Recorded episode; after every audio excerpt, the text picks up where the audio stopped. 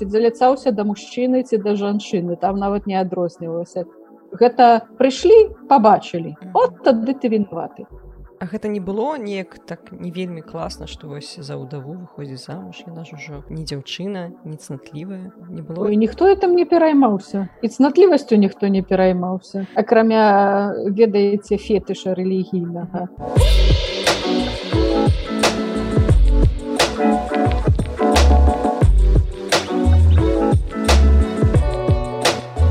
дзень шаноўнае спадарства з вами подкаст так склалася гістарычна я дзягельганна і сёння у нас у гасцях даследчык гісторыя вялікага княства літоўскага Наталья владимировна сліж кандыдат гістарычных навук дацэнт астролог. Добрый дзень Наталья владимировна добрый дзень шаноўнае спадарства таксама рада вітаць вас у студыі рада сёння буду паразмаўляць з вами пра розныя цікавыя рэчы з гісторыі беларусі. Так сапраўды у нас добрая нагода паразмаўляць цяпер. Не так даўно ну хаця дастаткова ўжо даўно два гады таму але там не менш выйшла ваше даследаванне культура сексуальных стасункаў вялікім княстве літоўскім у 16 17 стагоддзі. Наталья владимировна скажите калі ласка вось навошта вывучаць такую тэму тэму як гэта нам якая актуальнасць у гэтай тэмы для нас? Ну па сутнасці я ўвогуле прыхільніца вывучаць жыццё а не гісторыю палітыкі гісторыю каралёў таму што такія жыццёвыя тэмы і ўвогуле побытавыя тэмы якія сталі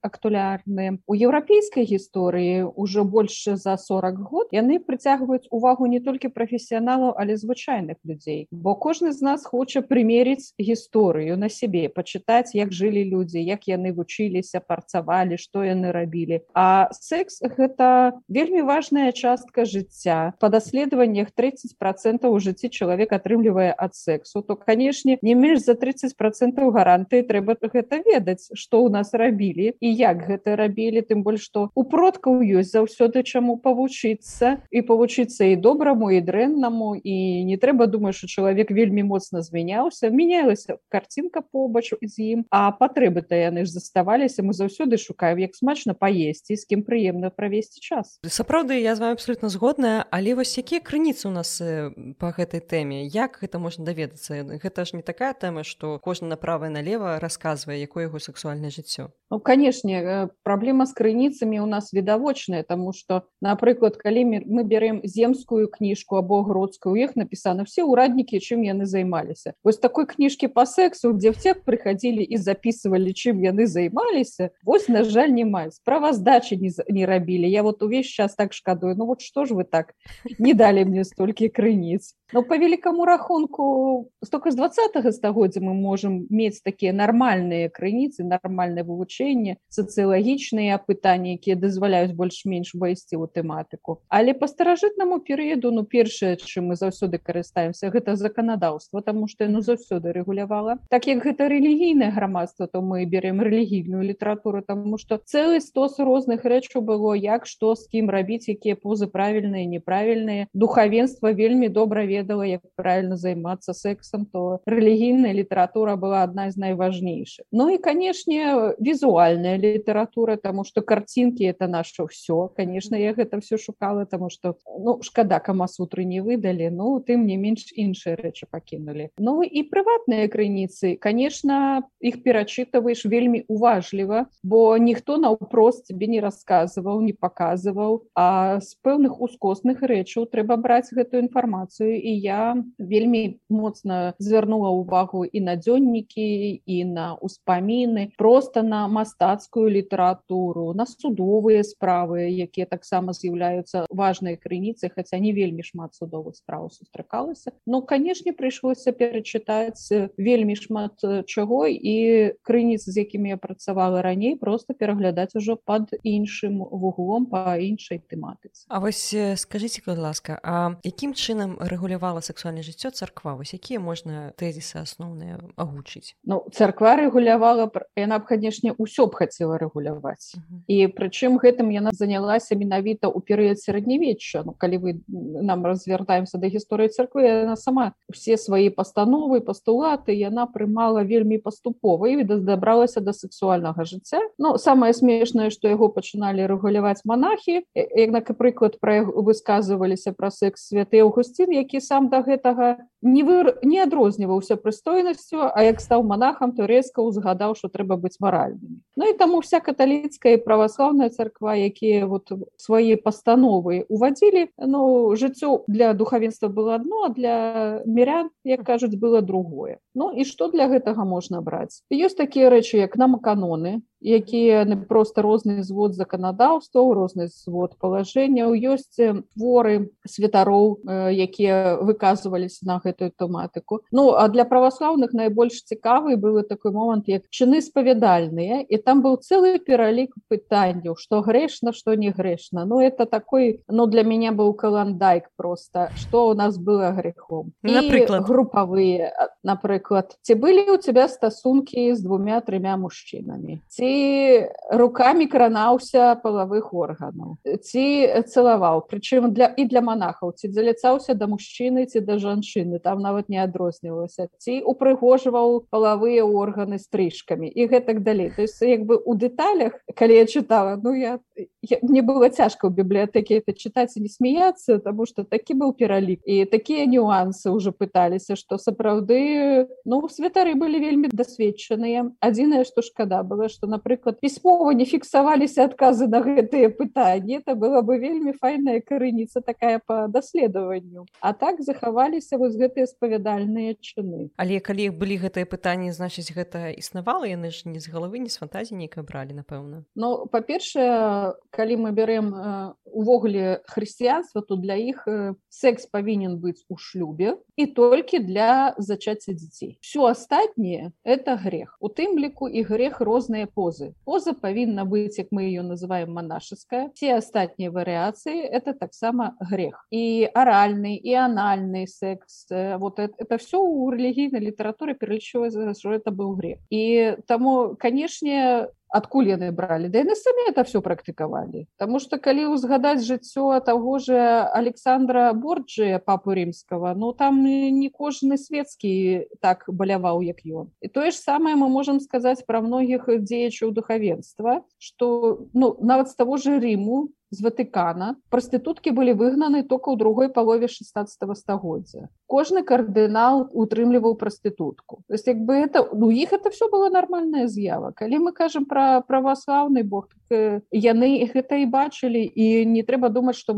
манастыры гэта былі было место цноты. Это якраз было месца распаўсюджаных аднаполых стасункаў таму как бы казаць что яны гэтага не ведалі да цудоўна яны все это ведалі. А вось той хто прыходзіў якому задавалі это пытанне вот ён мог не ўсё ведаць ці яна але цяпер даведваўся да ему рассказывалі что яшчэ можа быць но і зноў жа гэта мы маем пералік пытання і конечно это залежыць ад святара хто які задаеваў пытаннем а маглі быць варыянты что сказаў грешна грешна ну ідзі але быў яшчэ такі момант як пакаранне за вот розныя вот віды гряхоў і там былі епітіміі там было напрыклад колькі дзён гэта павінна там адбывацца малітвы гэтак далей. У свой час калісьці это реестры где-то вяліся где-то не веліся кожны раз это залежала ад мясцовасці ад адукаванасці священніка якому это было важно ці не важно мы не можем правесці зараз такой статыстычны аналіз і сказаць что все вот так менавіта рабілі. Мы заўсёды ведаем что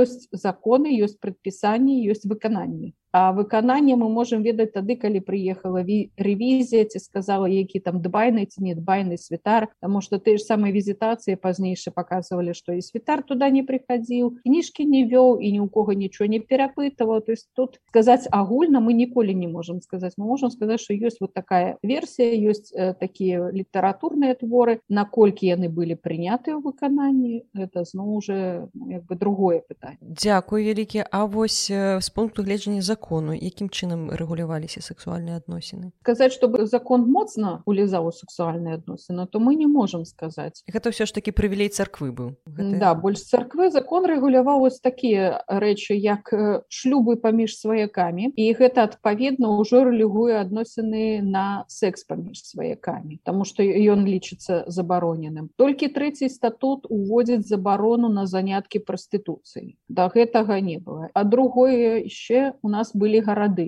а ў гарадах было магдыбургскае права а по магдыбургскім праве нельга было займацца прастытуцыяй і забаронена была гэта дзейнасць. Это было значна раней бо першыя гарады якія прымаюць у нас магдыбургскае права гэта 14 самы конец зноў жа да. То зноў жа трэба разумець што для якой суполкі для якога грамадства гэтыя все былі забароны. Як яны выконваліся это зноў жа судовыя кніжкі. І прычым напрыклад у статутах было прапісана что калі не хапае артыкулу для той ці іншай з'явы можна браць іншы кодекс. А вось таму тут напрыклад калі былі рэчы якія адназначна ідуць супраць грамадства парядку грамадства тое ж самае як пералюб гэта пазашлюбныя стасункі зноў жа яны лічыліся забароненыя но забароненыя калі калі злавілі на гарячым учынку гэта прыйшлі побачылі от тады ты вінаваты А калі про цябе рассказываюць что ты где-то там с кімсьці гуляешь это уже не важно.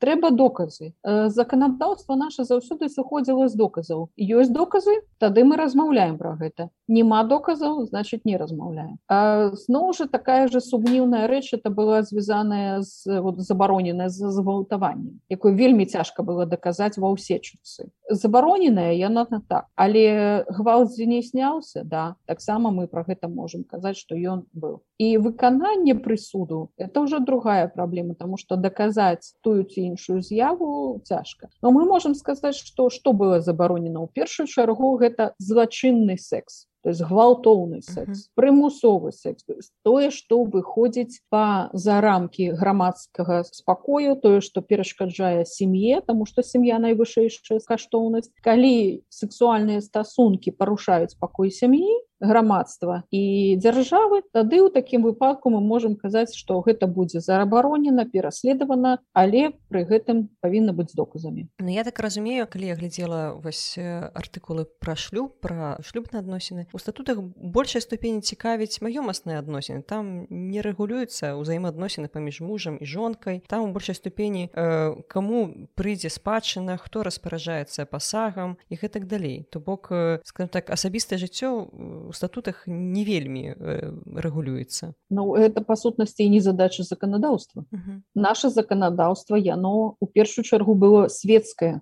а не рэлігійнае і канешне самае галоўнае у феадальным грамадстве гэта маёмасць. Нічого асабістага. Але мы павінны калі вот ёсць маёмасць асабістая ёсць маёмасць сямейная ёсць маёмасць там мужа жонкі мы павінны это рэгуляваць. Ёсць э, напрыклад купле продажы ёсць пазыкі. Все прапісана. Чаму? Таму что самыя галоўныя канфлікты это з-за маёмасці. Якое каханне калі самае галоўнае каму што належыць і як гэта дзе прапісана няма дакумента не можаш даказаць. Таму вот статуты ў гэтым плане сапраўды цудоўнае заканадаўства найлепшае ў Европе так не рэгулявалася. Вот як вот этыя все нюансы маёмасныя. Все зразумела было все было распісана по раздзелах открываешь раздзел і ты ў гэтым же раздзеле знаходзіш тое что по тэме. Ніяк магдыбургскае право там у адной частцы будзе артыкул по сям'е пасля і ў другой і ў трэцяй. А вот статуты яны вот якраз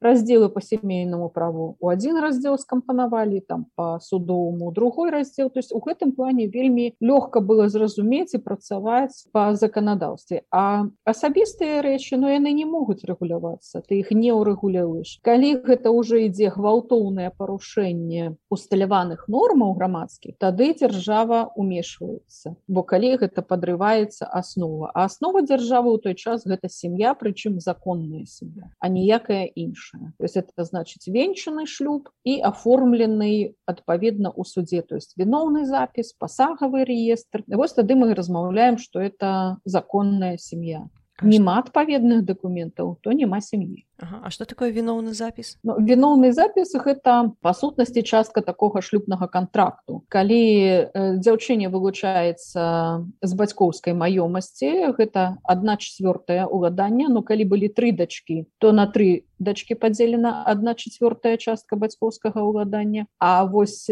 муж будучы павінен запісаць вена что это значыць гэта забеспячэнне яе на будучыню на адной трэцяй сваёй маёмасці ён записывае ёй суму якая раўна пасагу плюс прывенак то есть падвоеная сума павінна быць запісана і гэта маёмасць яна не закладаецца не прадаецца не перадаецца і яна ёй валодае до таго часу пакуль ёй не сплоцяць гэтыя грошы ўжо нашчадкі ці сам муж Вось таму вот оно так можа быць это як бы забеспячэнне матэрыяльныя жанчыны на выпадак калі на напрыклад муж памрэ ці э, так. А вось дарэчы э, вось магла стаць удавой жанчына так і забяспечвалі А яна магла яшчэ раз выйти замуж канешне колькі хочаш не было такое? абмяжову да только пасах яна атрымлівала один раз а не кожны раз як замуж шла. Но і с віноўнымі запісамі было так что да она выходзіць замуж другі раз напрыклад хтосьці не хоча каб гэта маёмасць заставалася пры ёй ну значит нашчадкі павінны выплаціць это вена. Вось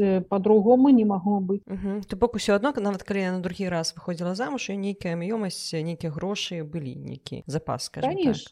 ну, увогуле лічылася что статус удавы вельмі выгадны. Ні ад кого не залежыш сваю маёмасць маеш можна і не спяшацца асоба. Жанчыны как бы вельмі хутка выходзілі ў другі раз замуж.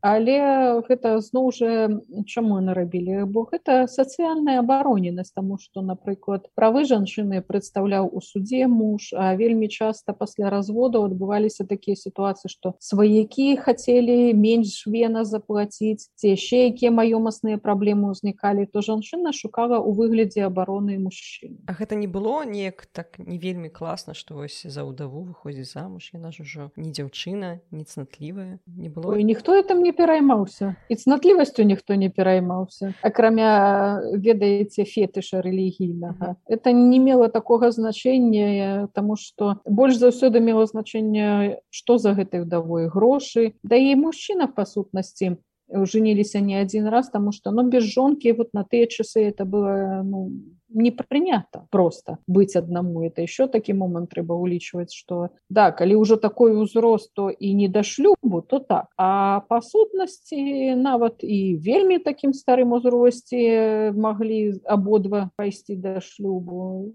по-рознаму бывала просто самому аднаму не хацелася быць нават калі дарослыя ўжо былі дзеці гэта не было перашкодай для шлюбу. Але вось скасаванне шлюбу яно не было распаўсюджана звычайна калі ўжо супруг Э, жонка альбо муж яны паміралі то тады ўжо выходзілі замуж наступны раз. Ну чаму разводы былі распаўсюджаныя таму што розныя выпадкі былі тыя ж самыя пералюбы праз пералюб гэта быў было повод для разводу былі і жаданні напрыклад аднаго з сужэнцаў пайсці у духавенства або просто не сышліся характарамі бойкі былі ці яшчэ што-небудзь разводы былі развадзіліся это не такая ну, праблема была ў 16 стагоддзе у 17 стала горш калі прыйшла контррэфармацыя калі прыйшлі там другія праблемы а до гэтага часу это не не было такой складанасцю А якім чынам разводзіліся таму... праз праз царку но было два варианты шлюбу шлюб быў венчаны. Невенчаны невенчаны шлюб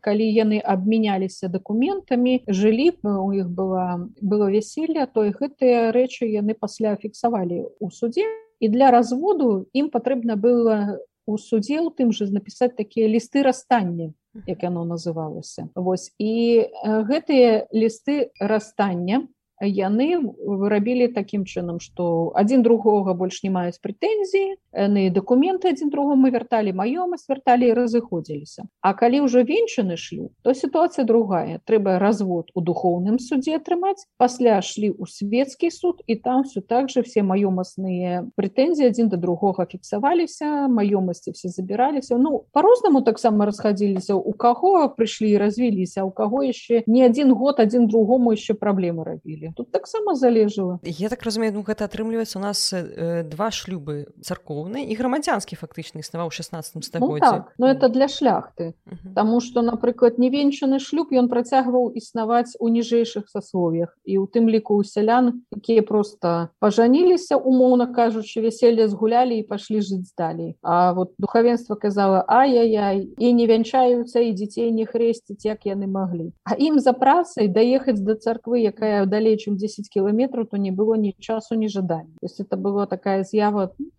даволі распаўсюджана распаўсюджана добра А вось казалі пра тое што не пераймаліся за цнатлівасць то бок былі дашлюбнай сувязі ўсё ж нягледзячы на ўсё распаўсюджанае канешне канешне гэта было і як бы лічылася не то что не могу сказать что нармальным але напрыклад мужчыны малады хлопец у яго да шлюбу не было ніякіх адносінаў ну канешне было. І для гэтага і да сваіх падданых хадзілі і калі ў вандроўку адпраўляліся замежную там да прастытутак хадзілі як бы былі все адносіны і тое ж самае уже у жанчыны нас яны сустракаліся конечно это ніхто не афішировал но і пакуль дзіцё не атрымалася у выніку таких адносінаў все было ў парадку А вось калі дзеці атрымаліся вот тады ўжо другія пытанні ўзнікалі тому что напрыклад такія дзеці ў шляхецкім асяроддзе яны былі афіцыйна пазбаўлены як бы прав. Але з другога боку сустракаюцца выпадкі калі таких дзяцей мужчына прымае за законных і пакідае маю Ну так была ж спецыяльная працэдура адопцыя усынаўлення э, дзяцей маглі б усынавіць но это не абавязковая пазашлюбных дзяцей але это просто у нават у некаторых документах сустракаецца што я вось такі-то дзеці мы нарадзілі па-за шлюбам шлюбу нас не было але вот я этим дзецям пакідаю маёмасць Так што было і так. Бок жыццё было нашмат больш разнастайным чым мы сабе ўяўляем наше уяўленне гэта одно а жыццё ну прынцыпе такі зараз жыццё так мы зараз живвём такі у кожнага свае віды адносінаў просто чамусьці все думаюць і всем бы хотелось думаць что у іх продкі ну прям такія цнатлівыя там яны все прыстойны ну яно жыццё ёсць фізіялогія таму як бы казаць что вот все жылі як прадпісана ніколі такого не было любы гістарычны перыяд любая краіна заўсёды вы знойдзеце вельмі шмат выпадкаў. Адзінае что вот такое прыватнае жыццё па ім вельмі цяжка знайсці дэталі документы вельмі часто штосьці там у літаратуры будзе опісана там ці плёткі нейкія но іх цяжка пераправерыць. Так же як і зараз. Про кагосьці у нас штосьці сказалі. Ну пакуль не злавілі не побачылі то мы можемм казаць что плёткі. На гарачым учынку No. А, вы... а вот калі ўжо пабачылі то да. А вось яшчэ апошняе пытанне на цяпер ну вось на гэту нашу гутарку. А якім чынам суадносілася каханне і шлюб? Таму што мы бачым што шлюб ён меў такі маёмасны аспект э, і трэба было ў бацькоў згоды папрасіць і э, гэта таке сацыяльная з'ява. Вось па каханні яно супадала з шлюбнымі адносінамі ці не Ну у каго як. У першую чаргу глядзелася каб была роўня сацыяльная роўня па пасадах або напрыклад глядзелася па магчымасцях што дасць гэты шлюб. Ну і таксама глядзелася каб гэты род не абганіў ужо наш род. І канешне сацыяльны статус калі мы кажам пра шляхетства меў значэнне. А калі мы кажам пра мяшчанства там таксама мела значэнне з якога з якой сям'і чым займаюцца якія рамеснікі ну на гэта звярталася ўвага каханне ну, у такім нашым паняцці што вось я пабачыў і все жыць не магу Ну гэта не разумелася у шляхецкім грамадстве. Ну на гэта глядзелі як на нешта незвычайнае типа ну навошта это патрэбна то калі можна пытанне по-іншаму вырашыць навошта шлюб браць? Вось і таму як бы гэта нечастая з'ява. І канешне калі мы напрыклад берем творы якія пісаліся на вяселле там мы, мы пачытаем што вось там і стрэлы амура вось там і венера і марс вось там яны зайшліся два роды там услаўлення родаў там і пра каханне могуць напісаць і пажадаць. Але ў рэчаіснасці канешне больш практычная мы на мэце таму што шляхецкай сям'і і мяшчанскай патрэбны былі дзеці патрэбны быў сацыяльны статус і конечно это было самое важное у першую чаргу. І каханне можна сказаць у іх такое было матэрыяльнае. То пражыўшы пэўную колькасць год яны разумелі як хто адзін да другога ставіўся То есть і ў канцы напрыклад у тэстаментах яны пішуць что ну вот увесь час там у хваробе падтрымліваў там нейкі мои пытанні прыйшаў за гэта я ему э, падарую такія-то такія-то там рэчы ці маёмасць і гэта і з'яўлялася як бы каханне аплачвалася ў канцы за добрае стаўленне мы плацілі маёмасцю або таксама маглі напісаць вось нічога добрага не было адні праблемы былі і там збіваў і таму пазбаўляю маёмасці гэта таксама ў канцы гучала там указаць што вось неяк па-іншаму ну, для іх вымірэння да матэрыяльнае мела значэнне таму што жыццё гэта адно каханне гэта другое. І чалавека выбіралі для жыцця як мужчыну так і жанчыну бо у жыцці вельмі шмат розных выпадкаў канешне у першую чаргу дзяцей выхоўваць і далей род працягваць з тым каго выбереш таму быў такі можна сказаць жыццёвы падыход да шлюбу. Дякую вялікі Наталья владимировна за размову. Таксама вам вялікі дзякую за размову і да наступных сустрэч наступная размова з Натальей владимировна будзе у наступным выпуску калі ласка не пропусціце слухайте наш подкаст на зручных вам пляцоўках Apple яндекс google подкастах. Подписывайтеся на наш нстаграм подписывайтеся на мой тик ток до новых сустрэчаў дзякуй вялікі маім патронам на патрыоне да пабачэння